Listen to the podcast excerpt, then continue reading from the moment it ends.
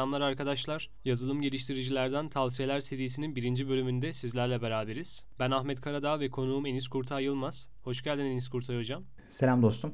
Selamlar abi. Rica etsem kendinden bahsedebilir misin? Tabii ki de ben Kurtay. Ee, yaklaşık 10 yıldan beri sektördeyim. Ee, mobil uygulamalar geliştiren Epson firmasında backend developer olarak çalışıyorum. Mobil sektörde pek çok önemli firmaya hizmet veren Epsent'te bankacılık sektöründe faaliyet gösteren bir müşterimize yani İş Bankası'na e, backend ekibinde yer alıyorum. İşte Maxim Mobil ürünü bilinen e, uygulamanın backend tarafındayım. Aynı zamanda Maxim İşerim daha çok ağırlıklı ama son günlerde Maxim Mobil ve Maxim İşerim arasında gidip geliyorum. E, bunu söyleyebilirim. Bir de kendi bir yazılım şirketim var.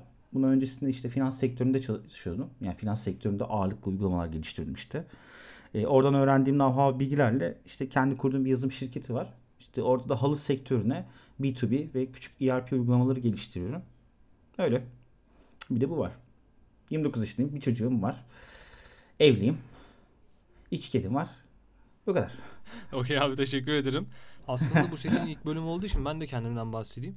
Ahmet Karadağ ben yönetim bilişim sistemleri 3. sınıf öğrencisiyim. Aynı zamanda öğrencisi olduğum okulun yazılım biriminde intern yazılım geliştirici olarak çalışıyorum. Enis abi benim bir dönem mentörlüğümü yürütmüştü ve gerçekten e, bayağı katkı sağlamıştı bana. Ondan güzel bilgi birikimi elde etmiştim. Teşekkürler bu arada güzel yönlendirmesi için. E, benim sorularım biraz daha genelden özele doğru olacak ve ilk sorum şu yönde olacak. Yazılıma yeni başlayan birine tavsiyen ne olurdu? Yani abi şöyle, e, biz hepimiz üniversiteye giriyoruz, birinci sınıftayız, dersler var bir yandan ve bir yandan da yazılımda kendimizi geliştirme isteğimiz var ama ne yapacağımızı da bilmiyoruz. Yani web'e mi girelim, mobile mi girelim veya bunlara girdiğimiz zaman nasıl hangi yönde ilerlememiz lazım bu konuda kafamız karışıyor. Üniversite birinci sınıfa gelmiş, daha önce yazılım bilgisi olmayan bir arkadaşa senin önerin ve tavsiyelerin ne olurdu abi? Teşekkür ederim. E, mentorluk konusundan başlayayım. Öncelikle faydam olduysa ne mutlu bana. Zaten bilgi paylaştıkça değerlenir mantığıyla işte bloglarımız, YouTube kanalımız vesaire bir şekilde birilerinle iletişime geçiyoruz. Ama WhatsApp'tan ama oradan buradan bir şekilde. Dilerim sana faydası olduysa ne mutlu. Ee, soruna gelecek olursak üniversite konusunda bu konuda şöyle bir örnekten başlayabilirim. Benim bir kuzenim var mesela. Teyzemin çocuğu.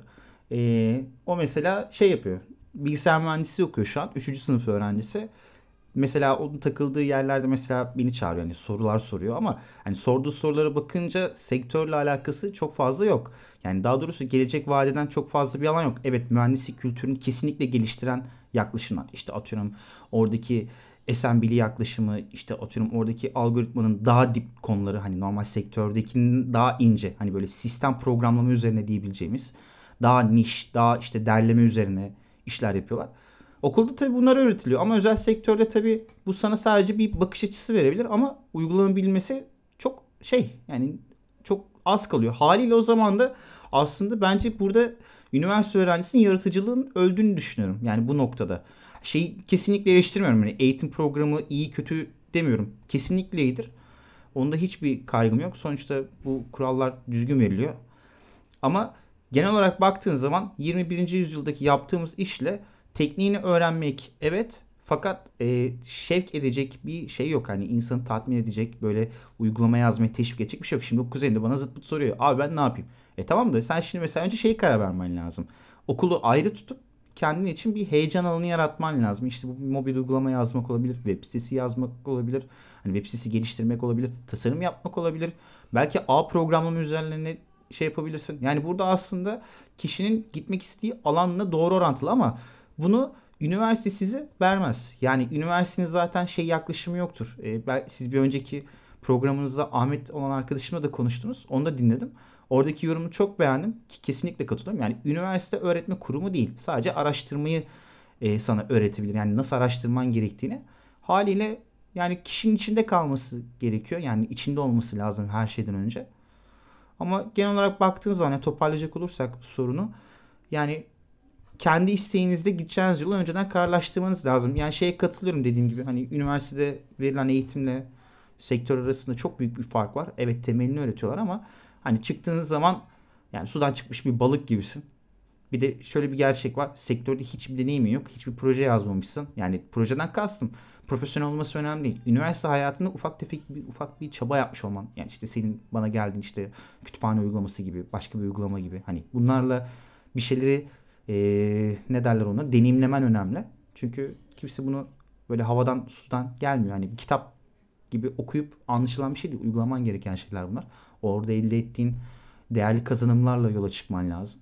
Yani velhasıl kelam e, burada öğrenci arkadaşlarımızın şey yapması gerekiyor. Hani gideceği alanı net seçip orada kendini araştırması gerekiyor. ilgili yolları. Kariyer petlerine ya da işte o gitmek istedikleri yolda yol haritasını çıkartıp oradan devam etmeleri gerektiğini düşünüyorum. Evet abi teşekkürler. Ee, ben abi bundan önceki bir bölümüm vardı. Neden yazılım diye bir bölüm attım. Orada şunu dedim abi. Aslında üniversite 1'deyken daha bunları düşünmeye başlarsak önümüzde tam 4 sene var. Abi bu 4 senede istersen sen frontend'e gir, istersen backend'e gir, istersen abi makine öğrenmesine gir, istersen abi bir app yazmaya çalış vesaire falan. Abi çok zamanlı olduğu için istediğin alanda kendini geliştirebiliyorsun. Hadi geliştirmeyi bırak istediğin alanı görüp hangi alandan zevk aldığını bulup o alanda ilerleyebiliyorsun. O yüzden işte üniversite 1'deyken bunların farkında olmak çok önemli. Okuldaki eğitime gelirsek abi e, ben e, kendi üniversiteye gireceğim zaman da şu anda da birçok üniversitenin müfredatına baktığım zaman müfredatının eski kaldığını görüyorum. Velhasıl kelam eski kalması da şu anda güncel konuları öğretseler bile çok kısıtlı zamanlar olduğu için zaten hangi birini öğretecekler ki? Mesela okulda biz abi şu anda SQL öğretiyorlardı veri tabanında. E, adam şimdi Entity Framework linki öğretmeye kalksa e, bu sefer onu öğretemeyecek. Zaten kısıtlı bir zaman var orada. E, Entity Framework, LinkU gibi yaklaşımlar bir aslında bir uygulamanın yani bir programlama dilinin bir parçacık kısmı. Yani o bir ayrı bir bileşeni. Ama şimdi burada üniversite bunun temelini vermeye çalışıyor. Yani işte atıyorum C++'da uygulama nasıl derleniyor? İşte derleyiciye nasıl bir işletim sistemini öğretip de bunu derlettiriyorsun. İşte orada operatör girişleri vesaire. Yani şeyden bahsetmiyorum. Bizim düz IDE'de yazdığımız kodlar gibi değil. Normal IDE kodunun yorumlanmasını öğrencilere soruyorlar. Şimdi üniversite sana bunu öğretiyor. Sen de buradan diyorsun ki ha bu uygulama böyle çevriliyor. Yani buradaki data buraya initialize oluyor. Bu buradan geliyor. Hani onu öğretiyor aslında üniversite. Sana şeyi öğretmek zorunda değil. Hani bir programın dili öğretmek zorunda değil. Ama sadece ben şeyi savunuyorum. Yani evet burası doğru. Bu normal ama bunu teşvik edecek başka şeylerin de olması gerekiyor. Yani bu da tabii birazcık üniversiteyle alakalı. Şimdi mesela ben kendi okuduğum üniversiteden örnek verebilirim bu konuda. Ee, ben bilgisayar mühendisi değilim. Alaylı öğrenciyim ben. Yani alaylı yazılımcıyım. İşte üniversiteyi ilk kazandığım zaman ben aslında bilgisayar öğretmenliğini kazanmıştım 2009 yılında. Rize Üniversitesi, yeni adıyla Recep Tayyip Erdoğan Üniversitesi. Ben o üniversiteye gitmemeye karar verdim. Ardından e, ben 2 yıl boyunca yazılım firmasında çalıştım. Bursa'da. Bursa'da okudum o dönemlerde. Ve ben 2 yılın sonunda üniversiteyi kazandım. Mersin Üniversitesi İşletme Bilgi Yönetimi lisans bölümünü kazandım. Orada çok güzel şeyler öğrendim. Yani normal bir işletme öğrencisinin işte işletme bilgi yönetimine arasındaki fark işte karar verme noktalarında yazılımdan faydalanıyor. İşte finansal konularda vesaire. Zaten benim finansal geçmişimi en çok etkileyen yer orası. Fakat düşün ben iki sene mesela yazılım sektöründe çalışarak o okula gittim. E, üçün, ikinci, üçüncü ve dördüncü sınıfta yazılım girmeye başladı. Yani yazılım konuları ama yani çok nadir işte nesne yönelimli programlama, veri yapıları ve en son hiç unutmuyorum 3. sınıfımızın son döneminde SQL vardı. Ya SQL'i tahtada anlatmak yani yani nasıl olabilir ki? Ve yani uygulama olması gereken bir ders normal şartlarda. Hani şimdi bazen de böyle bir durum da var ülkede. Hani böyle bir durum da var. E sen şimdi böyle bir durumda kağıda bakarak nasıl sorgu yaz, yazmanı bekliyorsun sınavda? Kişinin hani bir tablo verip Excel'den bir çıktı alıp bir tablo verip bunu hadi bunun sorgusunu yaz demek yani aslında şeye ee, dereye boş bir taş atmak gibi bir şey yani hani bir anlamı yok ki benim için. E şimdi o zaman da şöyle bir şey çıkıyor. Üniversite sana veriyorsa sen onun üzerine katman önemli. Yani aslında iş konu yine aynı yere geliyor. Yani SQL sana gösteriyor. İyi güzel de sen bunun üzerine internette birkaç araştırma yapıp belki SQL indirmen gerekebilir. İşte free sürümlerine, ücretsiz sürümlerine oradan devam edebilirsin. Yani iş yine aynı yere geliyor. Şimdi konuyu çok uzatmayalım ama. Eğitim abi öyle bir konu ki yani sabaha kadar konuşulabilecek bir konu ve yorum yapılabilecek bir konu. Zaten abi buradaki amaç üniversite birinci sınıftaki e, bir arkadaşın kafasının kafasındaki soruların şekillenmesi ve ne yapacağını biraz öngörmesi. Ona da tavsiyeler vermekti. Ee, üniversite bir bittikten sonra abi hafiften bir temelleri almış oluyor arkadaşlar. Daha sonra nesne yönelimli programlamanın kapısını çalıyorlar. Ve nesne yönelimli, nesne yönelimli programlama OOP'de ben şunu görüyorum. Çoğu abi orada takılıyor ve patinaj çekiyor. Patinaj çektiği zaman mesela C Sharp mı öğreniyor? C Sharp'ı bırakıyor Java'ya geçiyor. Yine orada da nesne yönelimliğe kadar geliyor. Daha sonra orada da patinaj çekip bu sefer C'ye falan geçiyor. Yani burada bir kısır döngü var abi. Ya bunu ben birçok arkadaşta gördüm. İnternetten falan da okuyorum, yorum yapıyorlar vesaire falan. O abi aslında OOP bence bir kilit noktası. Hatta ben e, ben aslında OOP derslerini almıştım. Ya OOP derslerini internetten izlemiştim. Bizde de OOP derslerini vermediler bana yani. Dördüncü sınıfta vereceklermiş. Bazı üniversitelerde ikinci sınıfta veriyorlar. Ee, izlemiştim ve abi sen bende OOP'de eksik olduğumu fark etmiştin. Bir seri önermiştin. Onu da izledim. Ya izledikten sonra zaten OOP'de bayağı hani sağlam adımlar attım diyebilirim. Ee, altı hep dolu dolu oldu o dersleri izlediğim için. 8-9 saatlik bir dersti. Ama gayet verimli geçti benim için. Yani orada abi ben öğrencilerin bir patinaj çektiğini görüyorum. OOP kısmında sen ne öneriyorsun? Çünkü orası bir kilit nokta bence abi. Söz sende buyur. Yani OOP konusunda önerebileceğim çok bir şey olamaz. Yani şöyle bir şey olamaz. OOP kesinlikle öğrenilmesi gereken temel bir şey. Nokta. Yani bu olmazsa olmaz. Bir yazılım dilinde o mantığın öğrenilmesi yani nesne yönelik programlama yöntemini öğrenemediysen zaten o program yani program yazman şey sadece spagetle. Hani onu söyleyebilirim. Bunun için de öncelikle şeyden kurtulmamız lazım diye düşünüyorum. Yani öncelikle eee, nasıl denir? Ön yargılarımızdan kurtulmamız lazım. Yani bu bir matematikten nasıl insan korkuyorsa halbuki içine girince aa ne kadar kolaymış diyor. Yani trigonometri, logaritmayı aa ne kadar basitmiş aslında. Hani ben mi çok gözümde bütünmüşüm gibi oluyor.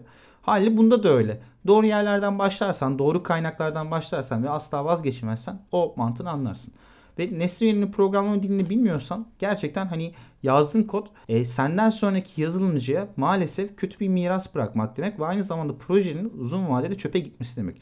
Ya benim bu çalıştığım firmalarda, gördüğüm yerlerde, hala görmekte olduğum yerlerde bu hep olan bir şey. Herkesin yoğurt yiyişi farklı ama o mantığını oturtturmuş bir kişinin o yazılımındaki o kodu yani 500 gün, 600 gün, 700 gün aktif halde çalışabilir ve hiç dokunmamış halde. Çünkü oraya bir şey yapmana gerek yok. Adam çünkü çok düzgün yapmış orayı. Yani yapması gerekeni yapmış. Belki çok ince bir araya girişlerde düzeltmen gerekebilir ama düşün 600 gün boyunca 500 gün boyunca kod hiç dokunulmamış ya da 400 gün boyunca.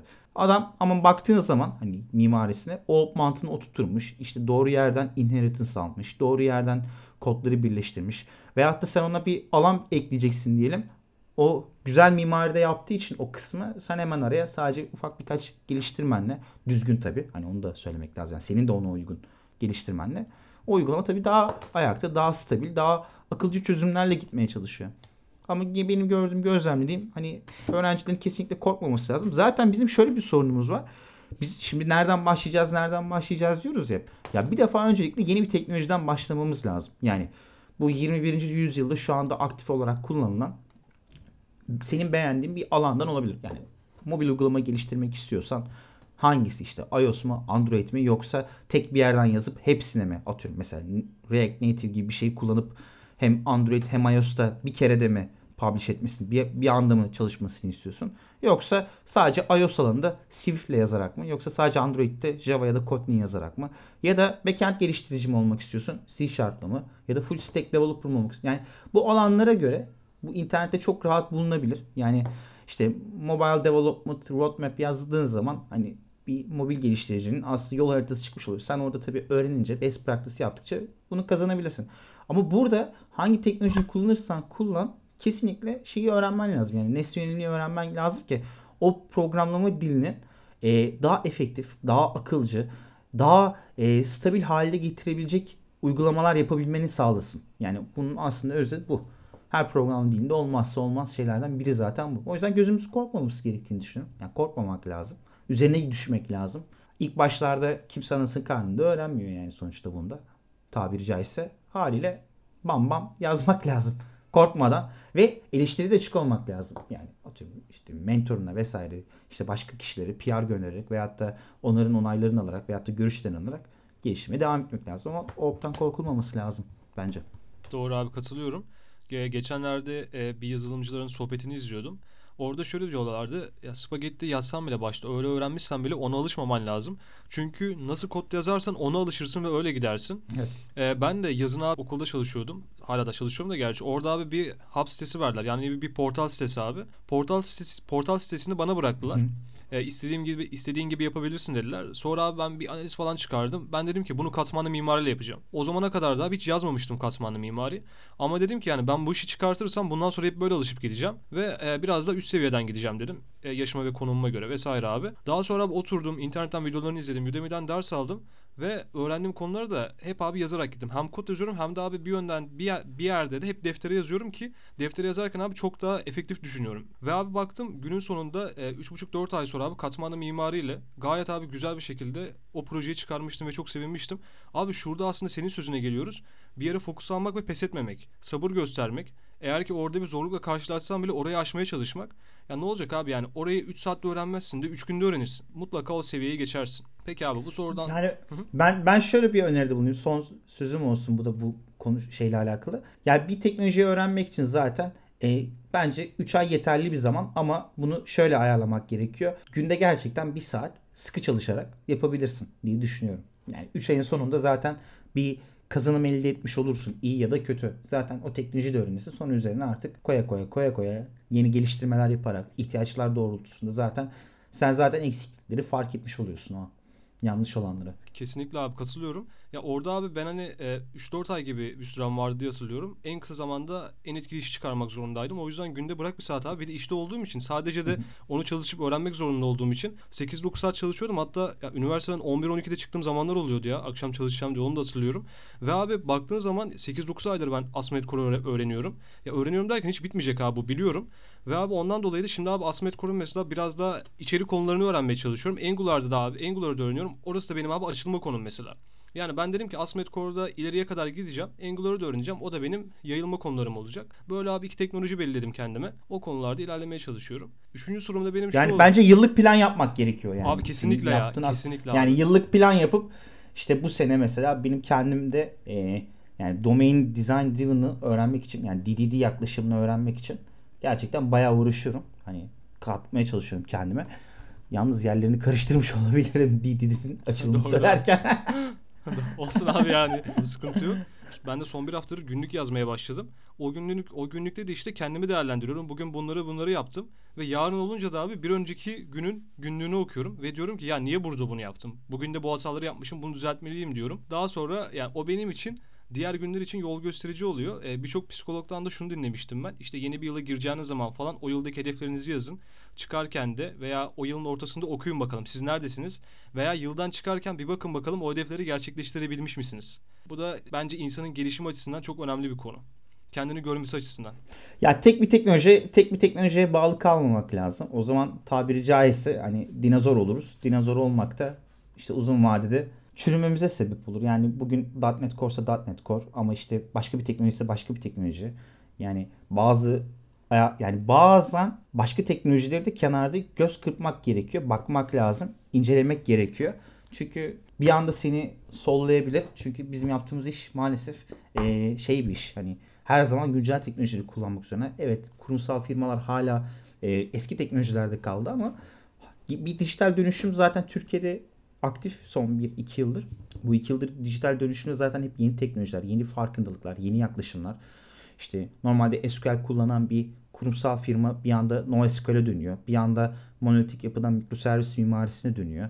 Hani onlar da dönüşüme ayak uydurmak zorunda. Çünkü isteklerini yönetmeleri lazım. O da hani bir sunucu açayım hadi önüne load balance koyayım gibi bir şey olması çok mümkün değil. Çünkü artık bir yerden sonra arkada şişen başka yerler de var. Bir de belki sektördeki pozisyonu değişti. Faaliyet alanı değişti vesaire. Yani tek bir teknolojiye kalmamak lazım diye düşünüyorum. Ya bu konuda en çok takdir ettiğim ve en nefret ettiğim aslında üniversiteden bir arkadaşım vardı. Çocuk sadece .NET diyor. Bu arada ben .NET geliştiriciyim. Onu da söyleyelim. Bilmeyenler için. Yani Evet. ağırlıklı olarak .NET'im ama hani CodeIgniter'da da uygulama geliştiriyorum. Java tarafında da bir şeyler yapmaya çalışıyorum. Yani ben birazcık böyle multitasking gibi çalışmaya çalışıyorum. Şey yapmamak için hani kalmamak hani geride kalmamak için bir de pratik oluyor. İşte o arkadaşım mesela sadece .NET derdi. Başka hiçbir şey demezdi. Şimdi arar onun bloklarını da takip ediyorum. Mesela Spring Boot'a yönelmiş. Hani komple artık. Hani şeyi baş bırakmış. .NET'i komple bırakmış kenara. Artık o tarafa yönelmiş. Ya bu da şu aslında aslında en güzel kanıt o. Senin ihtiyacın zamanla değişebiliyor. Teknolojiyi de değiştirmen lazım. Yani evet senin belki know-how'un oysa o da olabilir ama onun üzerine konulabilecek şeyler olması da gerekiyor. Yani şu an mesela Delphici kaldı mı sektörde? Yani yani Del- Delphi'nin ürünü çok kalmadı çünkü. Yani yani Delphi'nin gidebileceği bir alan kalmadı. Yine yaşatmak için bir şekilde uğraşıyorlar. Ama yani gerçeğe bakmak gerekiyor. İsteklere bakmak lazım. İşte trend olan uygulamaları incelemek lazım. Bir de doğru atış yapmak lazım diye düşünüyorum. Yani o da bakarak, takip ederek ve inceleyerek olabileceğini düşünüyorum. Evet abi bundan önceki bölümde ben şunu da bahsetmiştim. Ee, yazılımda belli bir teknolojiye odaklamamak lazım ve abi bence öğrenmeyi öğrenmek Evet. lazım. Ki sen abi öğrenmeyi öğrendiğin zaman hani başka bir teknoloji mi çıkmış? O trend olacak belli. Arkadan koştura koştura göre hiç sıkıntı değil. Sen öğrenmeyi öğrendin mi abi? Öğrendin. Zaten yazılım temelin var mı? Okey o da var. O zaman abi, abi onu öğrenmekte pek zor olmamalı yani eğer ki öğrenmeyi öğrendiysen. Ve abi bence hayattaki en kilit noktalardan biri de öğrenmeyi öğrenmek. Bunu hallettiğin zaman abi bir tek yazılımda değil diğer işlerinde de daha başarılı Evet. olabiliyorsun. Ya işte bir anda sektör artık değişiyor dostum. Yani bir anda işte şu an mesela serverless mimariler var artık hayatımızda. Yani onlar bir anda ortaya çıktı. İşte Node.js teknolojisine bir anda serverless'a geçiyor. Tabii .NET Core'da da aynısı var ama hani ağırlıkla benim gördüğüm bu yurt dışında en azından sektörde serverless mantığında işte Node.js ya da işte Ruby gibi şeyler kullanılarak bir anda işi yürütmeye çalışıyorlar. Ve bu da tabii şunu sağlıyor insanlarda. Yaptığın projeyi e, hıp hızlı çıkarma imkanı da sağlıyor. Belki sağlamlığını da sağlıyordur ama e, göz kapatmamak lazım. Yani bakmak gerekiyor diye düşünüyorum. Yani 21. yüzyılda en çok hangisi aratılıyorsa şu an, şu anda Türkiye saatinde işte. Onlara da bakmak lazım. Avrupa'da ne oluyor? Türkiye'de ne oluyor? Amerika'da nereye gidiliyor?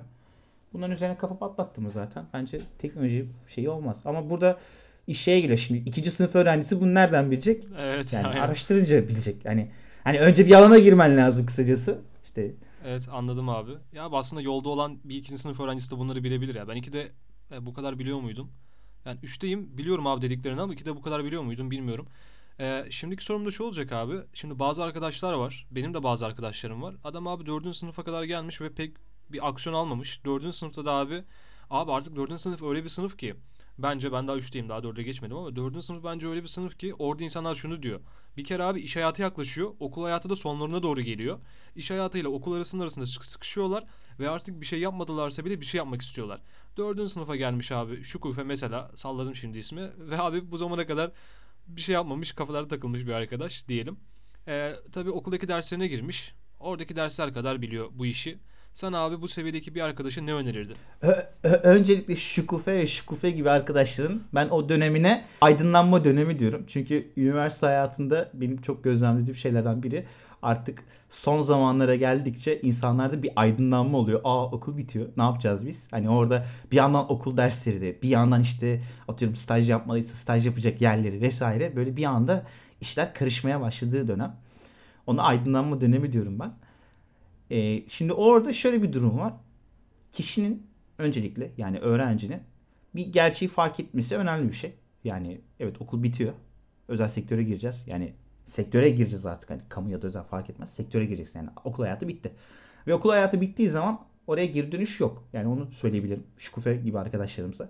Geri dönüş yok. Hani evet yüksek lisansla vesaire devam edebilirsin ama e, o bir sadece öğren yani öğrenmeye devam etme süreci olarak adlandırıyorum. Ha tabii araştırma yapıyorsun, yeni bir yayın yapıyorsun falan. Türkiye'deki konulara zaten girmeyeceğim bu araştırma mevzularına vesaire. E, ama son olarak yani genel olarak şunu söyleyebilirim. E, kişinin o dönemki geldiği zaman artık teknolojilere bakması lazım. Öğrenmesi lazım. Yani şu ana kadar öğrenmediysen o ayrı bir şey. Yani oraya bir sıfır çizip artık bir çizgi çekip bundan sonra bir teknoloji öğrenmeye karar vermeli ve bir an önce adım atmalı. Yani hiçbir şey için geç değil. Yani az evvelki dediğim şeyin arkasındayım. Yani 3 ay 4 ay gibi bir süre gerçekten çok değerli. E, staj yapmak için bile yeterli bir süre. İlla çok büyük kurumsal firmalarda hemen tak diye çalışmanıza da gerek yok. Zaten o firmalar sizi seçerken dikkatli seçiyorlar. Yani doğru sorular sorularak işte o mantığından yani atıyorum mesela nesne yönelimli programlardan işte abstractla işte interface'in arasındaki farkı sorarak yani senin aslında deneyimlerini soruyor. E, deneyimlerini sorabilmek için de senin deneyim elde etmen gerekiyor teknik olarak baktığında. Haliyle senin de bir, bir şeye odaklanman lazım. Yani şunu söylemek benim için önemli bir şey. Sen son sınıfa gelmişsin ve hiçbir şey bilmiyorsan ben seni zaten işe alma gibi bir niyetim olamaz mantık yani. Kurumsal firma ya olsun ya da olmasın. O zaman seni yönlendirecek bir şey yapmam lazım. Ya işe alacak sana iş vererek öğretireceğim ya da sana diyeceğim ki bunu öğren sonra gel. E şimdi o zaman da şöyle bir şey çıkıyor. Senin bir teknolojiyi seçmen lazım öncelikle. Ne yapmak istediğine karar vermen lazım. Yani bir de şöyle bir gerçek de var. Sen gerçekten bilgisayar sektöründe kalmak istiyor musun yani? Yazılım sektöründe kalmak istiyor musun? Şimdi belki kişi onu da istemiyor olabilir. Hani üniversite zoruyla gitmiştir, aile zoruyla gitmiştir. Belki bursu yanmasın diye okumuş falan filan. Yani oraları türlü türlü case'ler var ama genel olarak hani istemiyorsan istemiyorum bitti.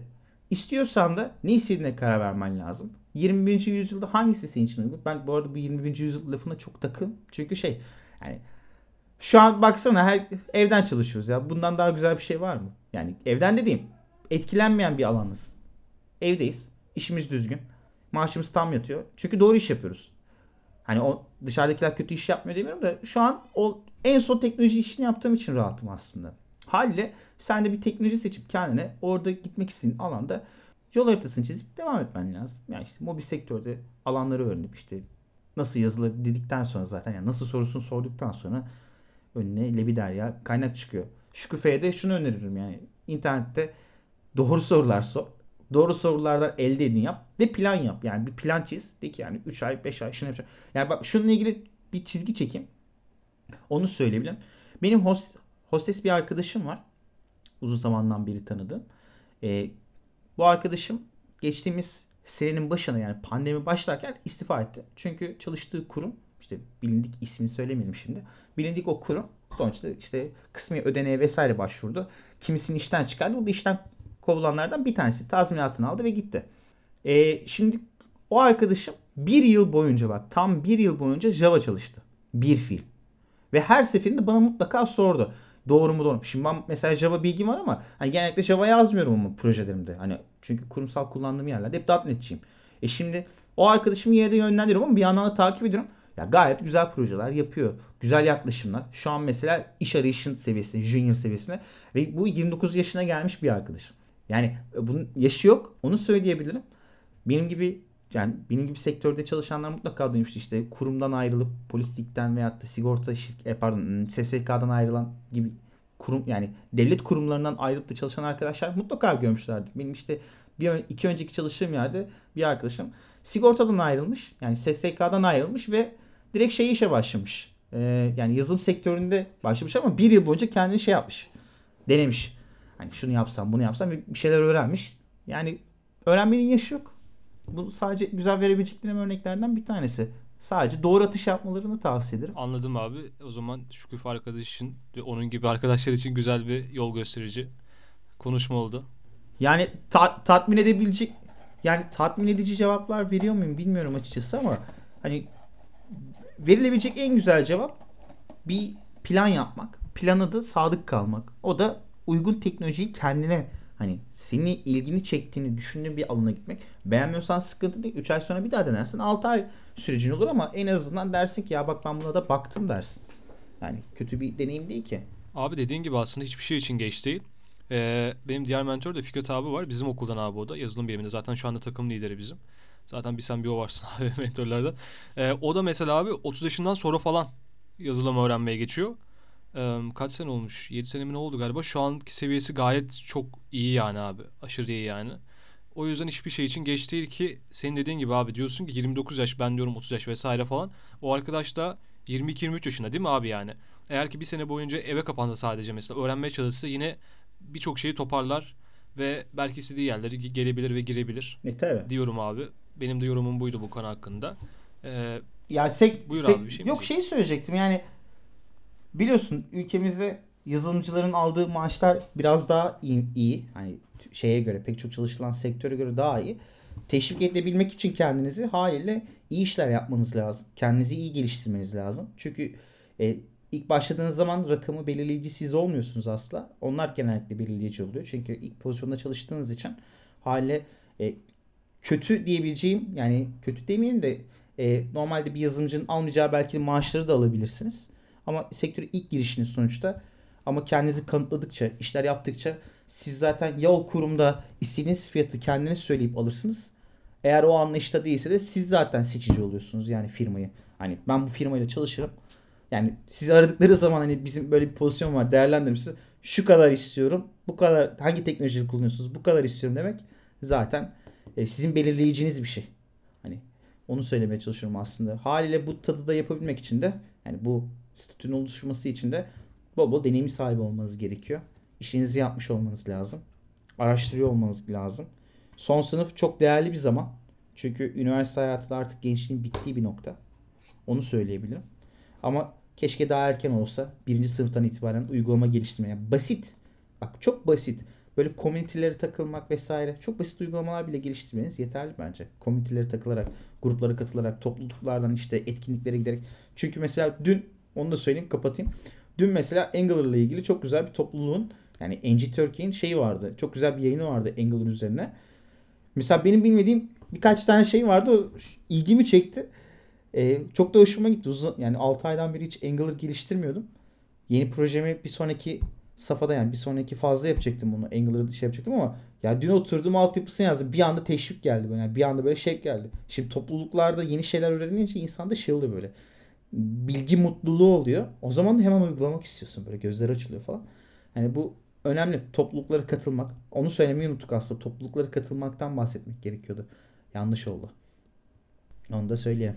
Okey abi. Tamamdır abi eklemiş olalım bunu da. Abi başlarken işte yolda olmak gerek. Ve yolda da abi aslında hani biz tabii nasıl başlarsan öyle gider diyoruz ama mesela bana baktığımız zaman ben iki daha bu kütüphane uygulamasını yaparken spagettinin babasını yazmıştım abi yani. Evet. Ondan evet hatırlıyorum. spagetti yoktur belki de. Evet abi. Hatta hatta ben demiştim bu nasıl kod falan diye. Ee, yani aşırı kötüydü abi. Ama baktığın zaman 3'te abi yani yazın abi katmanlı mimariye geçtim. Şimdi abi işte API öğreniyorum. API ile işte katmanlı mimariler falan onlara takılıyorum. Ya inşallah abi seneye de belki çok daha farklı iyi yerlerde olurum. Ee, bir diğer sorum abi İngilizce ve yazılım üzerine. Hı hı. İngilizce ve yazılım olmazsa olmaz ve abi bununla ilgili bazı görüşler var. Ee, bir takım insanlar diyor ki eğer ki yazılım istiyorsan veya yazılımın içerisindeysen İngilizcen yoksa bir sene falan yazılımı bırak İngilizce İngilizce çalış ve öğren diyorlar. Bir takım insan da diyor ki yani ben de onlara katılıyorum. Niye yazılımı bırakasın? Zaten yazılım ve İngilizce iç içe. Yazılımda bir hata aldığın zaman vesaire onların Evet. zaten kaynakları ve dokümantasyonları İngilizce olduğu için bunları öğren. Bunlara çalış. Ee, ve aynı zamanda hem İngilizceni hem de yazılımını da eş zamanlı bir şekilde gerçekleştir ve geliştir. Ee, senin bu konu hakkında düşüncelerini alabilir miyim abi? Yani şöyle, e, şimdi benim bir eski ortağım vardı mesela. E, o- ben bu arada 4 ay kadar Amerika'da kaldım. Yani İngilizce seviyemin gayet iyi olduğunu düşünüyorum bu noktada ama şöyle bir durum var. E, şimdi mesela İngilizce bilen bir kişi, İngilizce bilmeyen bir kişi şu tavsiyede bulunabilir. Öncelikle senin konuşman lazım. Yani İngilizce konuşman lazım. Yani İngilizceyi pratik edebilmen için İngilizce konuşman lazım. Çünkü bu biraz şey gibi. Bir çuval, çuvalın altı delik. Çuvalı taşısan da hala düşüyor. Üzerine bir şeyler koysan da düşüyor. Yani öyle bir bir dil maalesef. Yani öyle bir şey diyebilirim. Yani öyle bir örnek verebilirim. Şimdi eski ortağım mesela İngilizce bilmiyordu ama yaşadığı sorunları İngilizce aratırdı. İşte programlama sektöründeki yani programlama alanındaki makaleleri, yazıları, çıkan şeyleri mutlaka takip ederdi ve İngilizceydi. Hiç çeviri falan filan demezdi. Yani şuna çeviri tıklayayım falan filan demezdi. Koduna bakarak anlamaya çalışırdı. Ama şunu savunmuyorum. Yani bu bir İngilizce öğrendim demek değil. Yani onu söyleyebilirim. Çünkü sen kendin yaşadığın bir sorunu İngilizce olarak başka bir kişiye aktaramadıktan sonra yani düzgün soruları yani kimse sizden çok düzgün İngilizce ile yazı yazmanızı beklemiyor. Ya da çok düzgün bir şeyle işte dil yapısına uygun bir şey yazmanızı beklemiyor. Sadece basit kelimelerle doğru şeyleri anlatmanız gerekiyor. Şimdi bizim şu anki yaşadığımız sorunlarda evet basit çözümler için internette aratarak çözümleyebiliriz. Hani o arkadaşımınki gibi işte kodu okuyarak şey diyebiliriz. İşte ha burada bunu demek istemiş. Ha bu bu muydu? deyip uygulamaya çalışabiliriz. Ama bu İngilizce öğrendim demek değil. Bu sadece oradaki tekniği öğrenmek oluyor aslında. O yüzden de benim e, tavsiyem şu. Kenarda Cambly gibi ya da işte bu internette yabancı dil öğrenmek isterken arkadaş bulma siteleri gibi oralarda kişilerle sıkı temas halinde kalmak, iletişim halinde kalmak. Yani günde 5 dakika olabilir, haftada 15 dakika olabilir, yarım saat, bir saat olabilir. Çünkü burada elde edeceğin deneyimle sen hem doğru yazmayı öğreneceksin. hani bir sonraki hatanı aratmak için hem de kendi sorunu belki sorma fırsatı bulacaksın. Yani zaten bizim sektördeki en büyük sorunumuz İngilizce bildiğini düşünen yazılımcıların olması. Yani o zaman da kişi şeyde kalıyor. E, arafta kalmış gibi oluyor. Çünkü bir servisi yakalayabilmen için hani şey olarak e, nasıl söyleyeyim sana eğer hiç İngilizce bilmiyorsan ya topluluktan öğrenebilirsin yeni haberleri ya da işte bu arkadaşım gibi girersin anlam kendin anlamaya çalışırsın. Bir şeyleri bulmaya çalışırsın. Ama İngilizceyi biliyorsan bu, bu bulduğun web siteler, videolar vesaire sana şey gibi gelecek böyle çerez gibi. Çok anlamlı gelecek. Hadi zorlanmayacak mısın? Tabii ki de zorlanacaksın. Ama işte pratik yapman lazım. Yani o da bir pratik gerektiren bir şey. Sonuçta çuvalı doldurman lazım. Yani benim verebileceğim tavsiye burada e, şey olabilir hani İngilizce öğrenin demek olabilir. Ama şey diyemem hani işte bir yıl boyunca İngilizceyi full öğren sonra yazılıma gel. Yok o bir yanlış yaklaşım bence. Ama diğer konuda da şey demek değil yani ben program yazarken yaşadığım sorundan aa İngilizce öğreniyorum demek çok doğru değil. Bir, belki bir iki kelime öğrenebilirsin. Çok nadir de olsa. Ama genel olarak kendi sorunu sorabiliyor musun arkadaşım derim ben.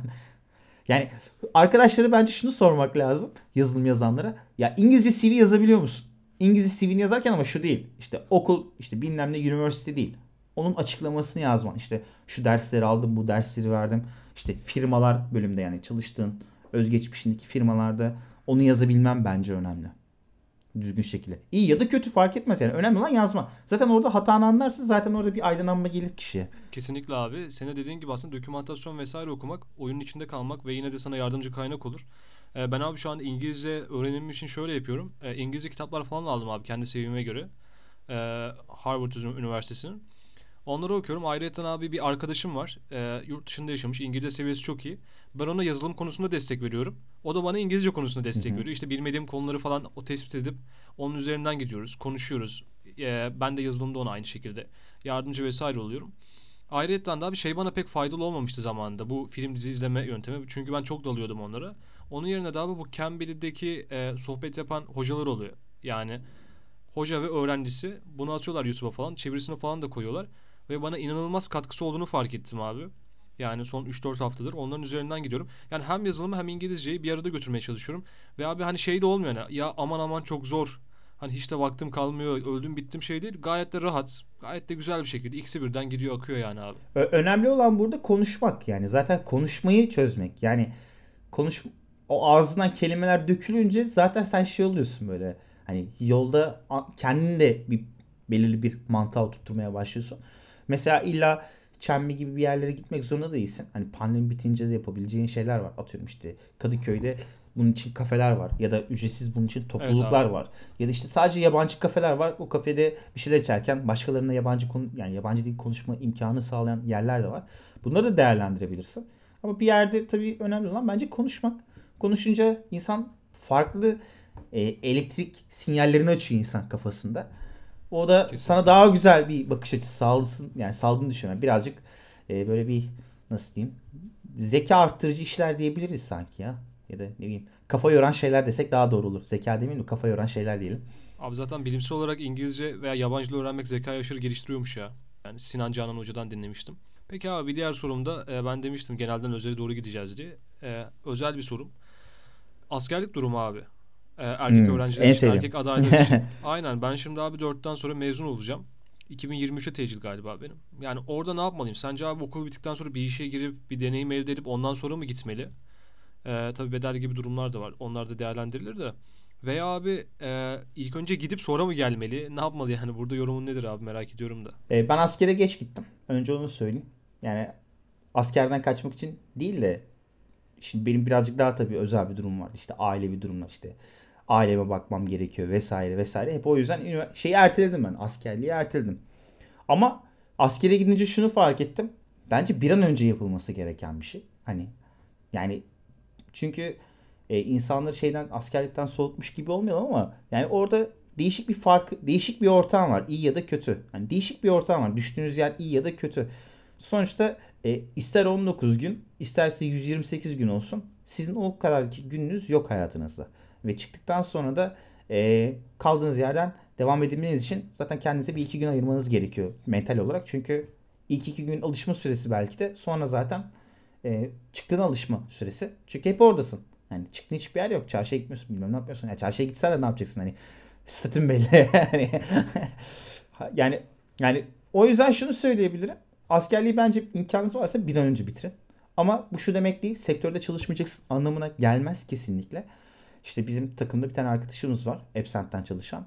e, Burak isimli arkadaşım. O mesela askere önümüzdeki sene gidecek. E, yaklaşık 3 seneden beri de sektörde bu arada. 3 senedir sektörde olduğu için de gayet iyi bir pozisyonda ve istediği şeyde kendi karar verebilecek bir durumda bence. Yani en azından gördüğüm o. Yani kendini geliştir yani askere gitmeden önce kendini geliştirdiysen askerden sonra rahat olur. Ve ben bir şey daha söyleyeyim. E, askere gitmeden önce e, ben firmamdan izin aldırarak gittim. Ama kafamda şey soruları vardı. Ya ben bu firmayı bırakırım bırakırım derken askerdeyken kesinlikle bırakma kararı verdim. Hani dedim ki kesinlikle bırakacağım bunu. Ben bu arada askerliğin bedelli yaptım. 12. günü müydü? 11. günü müydü? Neydi? Son haftalara giriyordum. Ee, bir bir yere ismimi söyledim. Yani bir tanıdığımıza. O da hemen beni bir yere referans ederek göndermiş CV'mi. Hemen beni aradı. Kişi, kişiyi de tanıyorum ve bir anda kendimi askerden sonra işten işe girecekmiş gibi buldum. Zaten askerden geldim. İlk gününde şirketten şirketten şeyimi aldım. Çıkışımı aldım. Ee, ben hatta şey düşündüm. Bir ihbar günüm kadar beklerim diye düşündüm ama onlar dedi ki gerek yok teşekkür ederiz. Benim de işime geldi. Hani şey anlamında zaten istemediğim bir firmaydı. Çok kısa sürede ayrılmak durumunda kaldık. Yollarımızı da ayırdık hemen. E dedi ya hemen firmaya geçtim. Yani şey değil. e, kendini geliştirdiysen dostum askerlik çok bir şey değil yani. Bir engel değil bence. Engelmiş gibi gözüküyor. Sadece orada geçirilen süre önemli. E, eğer bir yıl gibi bir durumun varsa yani üniversite okumadın misal. Yani en güzel örneğini oradan verebiliriz. Üniversite okumadıysan zaten uzun dönem askersin yani. Hani şimdiki askerlik kanunu tam bilmiyorum ama benim zamanımda öyleydi. Abi şey pardon da abi şimdi 6 aya düşürüldü. ya Hepsi tamam işte Yapsan 6 ay yapmasan şimdi da- düştüyse. Hepsi aynen Ha, aynen tamam. 6 abi E, 6'ya güzel. bağladılar. Yani 6 ay için e, bir an önce e, bir şeyleri öğrenip gitmek mantıklı. Doğru doğru abi doğru söylüyorsun. Yani kısa ve öz. Sanırım galiba ilk bir ay bedelli oldu galiba şimdikinde. Öyle miydi ya da son muydu? Nasıl oldu? Abi onu hiç bilmiyorum ya. Ee, ama hepsinin 6 aya bağladıkları konusunda e, şeyim yani bilgim var yani eminim ondan. Anladım. Yani verebileceğim tavsiye bir an önce askere gitmeleri. Değilse de çok da üzülmeye gerek yok. Önemli olan doğru yer. Yani 20, 28 yaşındayken mi ne askere gittim yani. Geçen sene geldim ben. Geçen sene Kasım değil, ondan önceki Kasım. Yani 2019 Kasım'da ben askerden geldim. Anladım abi durumu. E, peki abi teşekkürler. E, yavaştan da yayınımızın sonuna geliyoruz. E, konuştuklarımız üzerinden eklemek istediğin bir şey var mı abi? Var. Çalışın arkadaşlar. Çalışın arkadaşlar. Durmayın. Yani henüz gençsiniz. Durmayın. Yani bu memleketin sizin gibi gençlere ihtiyacı var. O yüzden full çalışın. Yani soru sormaktan çekinmeyin. Her zaman ulaşacağınız insan mutlaka bulursunuz. Öyle ya da böyle. Aynen abi katılıyorum. Aksiyon adamı olmak lazım. Yazılım geliştiricilerden tavsiyeler serisinin birinci bölümünde Enis Kurtay Yılmaz abiyle birlikteydik. Umarım faydalı ve farkındalık atan bir podcast olmuştur. Bir sonraki bölümde görüşmek üzere. Hoşçakalın, güzel kalın. Hoşçakalın.